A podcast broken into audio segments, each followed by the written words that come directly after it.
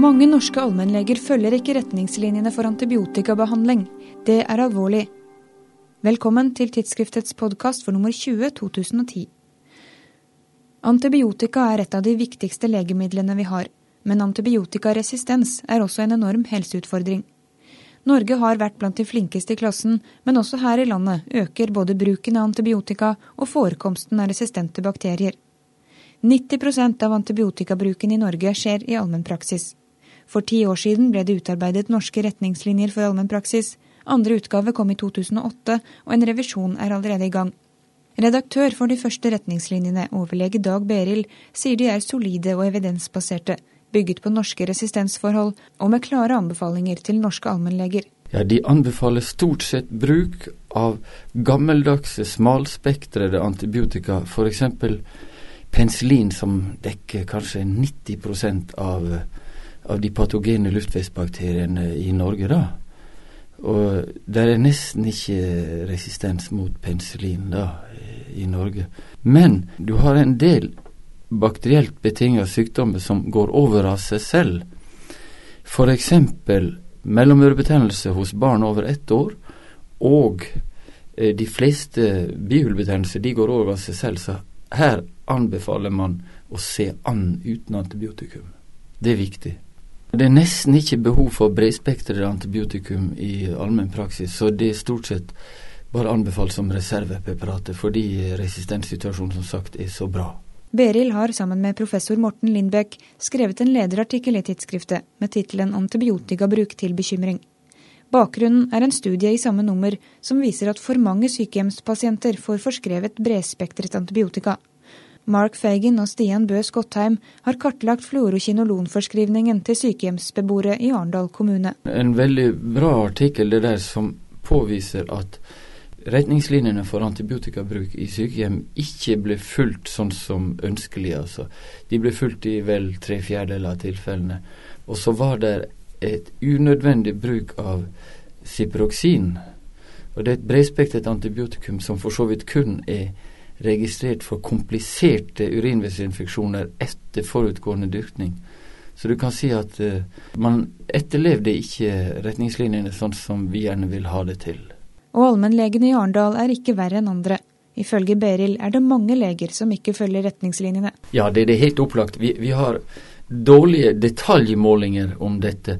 Men hvis uh, allmennlegene fulgte de retningslinjene som forefinnes, så vil jo antibiotikabruken være betydelig redusert, kanskje 30-40-50% Så det er opplagt at det er mange som ikke følger retningslinjer. Eller de kanskje behandler for lenge, eller hva det nå gjør. Men det er klart her er et stort forbedringspotensial. Det er flere grunner til at norske allmennleger ikke følger retningslinjene. Men myndighetene har hovedansvaret, mener Beril. Den offentlige innsatsen på dette området har vært lik null. Da de ble utgitt, ble det gjort veldig lite for å implementere retningslinjer. All internasjonal forskning viser at det nytter ikke å utgi retningslinjer hvis de ikke blir aktivt implementert. Og, og her mener jeg at de offentlige myndighetene som har utgitt det her, dvs. Si Helse- og omsorgsdirektoratet, har forsømt seg ved å ikke eh, eh, allokere midler til implementering. Og faktisk så holder det samme på å skje nå, fordi nå skal vi til å skrive retning, nye retningslinjer for antibiotikabruk i sykehus. Og, og, jeg mener det er feil å begynne på de uten at man har en strategi for implementering av de etterpå. Beril og Lindbekk har en rekke forslag til hvordan retningslinjene kan implementeres. Ønskedrømmen er jo at de retningslinjene kobles til eh, de datasystemene som eh, allmennlegene har på kontoret. F.eks. hvis de stiller diagnosen akutt bronkitt eller pneumoni eller ørebetennelse, så kommer det en direkte link til retningslinjene. Jeg, jeg, tror det er en veldig fornuftig vei å gå, da. Og så, før så var det obligatorisk kurs for alle leger som ble utdannet i utlandet. Men en eller annen person i et eller annet direktorat eller departement har funnet ut at det ikke er nødvendig pga. EU-regler.